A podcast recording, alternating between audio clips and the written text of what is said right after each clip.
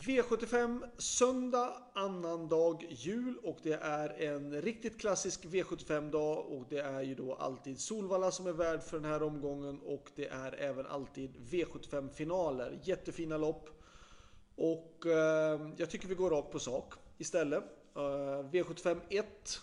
Eh, 7 emoji har ju varit jättebra. Eh, han haft dåliga spår eller mött fantastiskt motstånd och det är bra motstånd men inte fantastiskt motstånd den här gången. Men jag tycker ändå inte man ska spika emoji från sjunde spår i V75 1 utan jag tycker man ska gardera med nummer 6 Algotsson 1 och trots att han slog på en galopp senast nummer 3 Eddie West. Eh, varningen för mig.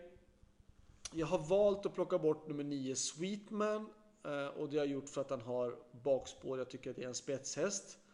Ehm, jag tycker däremot då, jag har nämnt dem så många gånger tidigare då, det är nummer 4 Jacques Noir eller framförallt nummer 5 Beer Time. Jag skulle säga att nummer 5 Beer Time eh, går ju bra med skor hela tiden och han har ett bra utgångsläge och ja, han kommer att sitta där snart på V75, det tror jag, innan han går ur silverdivisionen.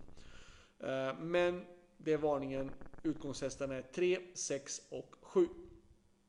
V75 2, eh, nummer 6 Icarus Sisu. Jag pratade med Thomas Urberg i häromdagen. Och eh, han var nöjd med Icarus Sisu. Han var ju fantastiskt fin på Åby och han tyckte att han var... Han tyckte att förberedelserna hade inte varit optimala inför Åby.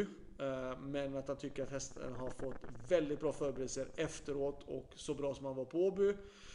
Det har ju befogat honom till favorit. Att han sen tycker att hästen har tränat ännu bättre eller haft eh, bra förutsättningar. Det bara stärker ju chanserna. Så att för mig är då nummer 6 Ikaru Sisu en spik i avdelning 2.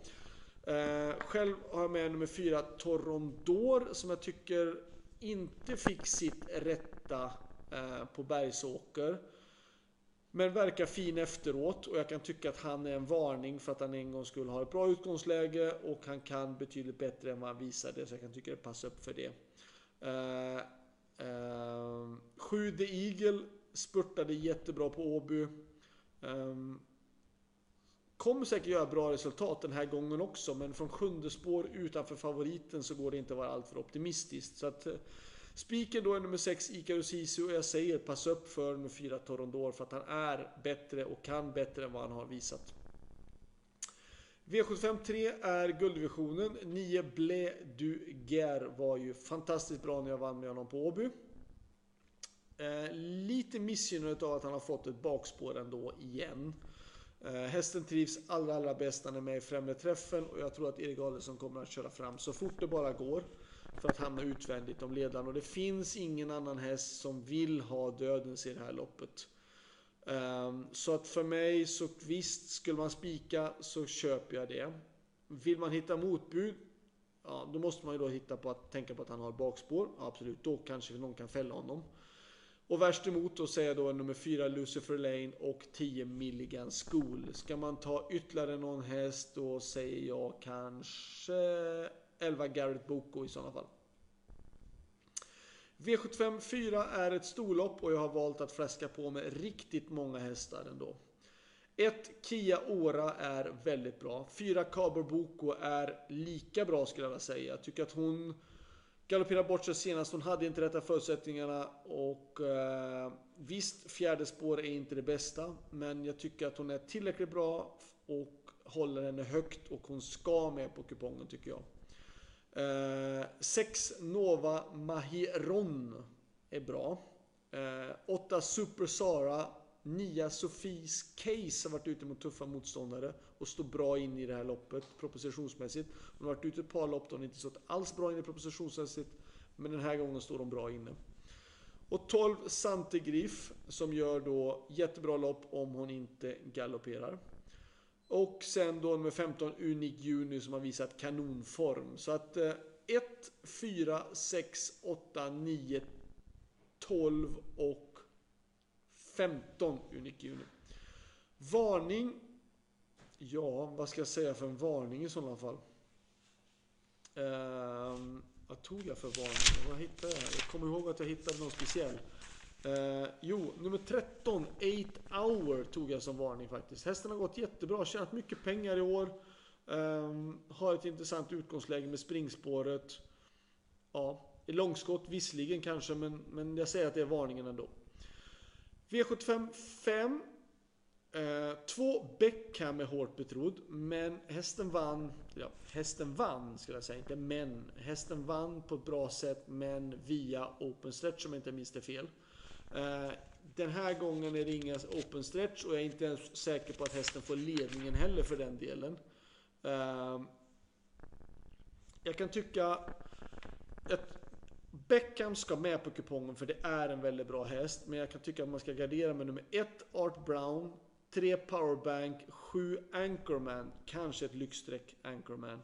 Eh, men även då nummer 9 Kimi Di Quattro. Så 1, 2, 3, kanske 7, men framförallt 9. Eh, varningen, då säger jag nummer 6 Defs Definitiv som har gått bara har gått ganska så bra med skor och har gått barfota fram. De där som går barfota fram, det är inte, inte världens panik alltid att de måste gå med skor faktiskt ändå. V75 6, då väljer jag att eh, spika nummer 11, Carry Cash. Ehm, Westholms bägge hästar, nummer 6 Made of Star och 11 Carry Cash, är hårt betrodda. Jag tycker Made of Star är jättebra, men jag tycker ändå Carry Cash är bättre, så skulle jag vilja säga. Och sen då att Örjan Kihlström som kör från ett springspår på 20 meters tillägg. Det tycker jag bara stärker chanserna. Så att 11 carry cash i den eh, sjätte avdelningen är min spik. Eh, varningen, då säger jag i sådana fall, jag tycker passa upp på den här nummer 7, Samurai Komery. Eh, gjorde första starten för Katja Melko senast och vann då.